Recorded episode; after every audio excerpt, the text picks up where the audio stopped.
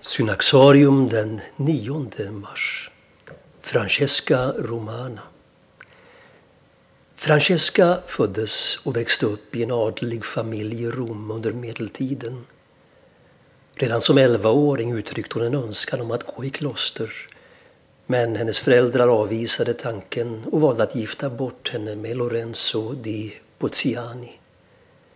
Det blev ändå ett gott äktenskap som varade i 40 år. De fick sex barn, men bara ett av dem nådde vuxen ålder.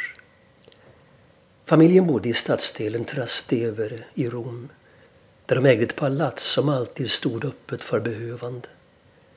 När pesten gick fram över staden förvandlade Francesca sitt hem till ett sjukhus. År 1433 grundade hon ett benediktinkloster i Rom och efter sin makes död inträdde hon själv i klostret och blev med tiden dess abbedissa. Klostret var en tillflykt för människor som sökte hjälp och vägledning och tog också hand om många sjuka.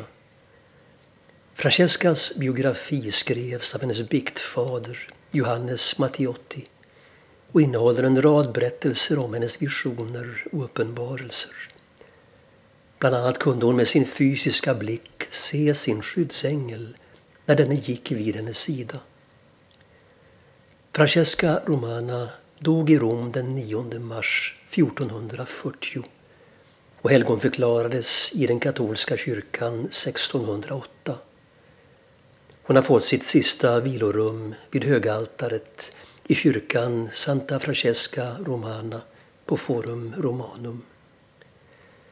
Casa di Santa Francesca Romana fungerar idag som kloster och gästhem i Trastevere.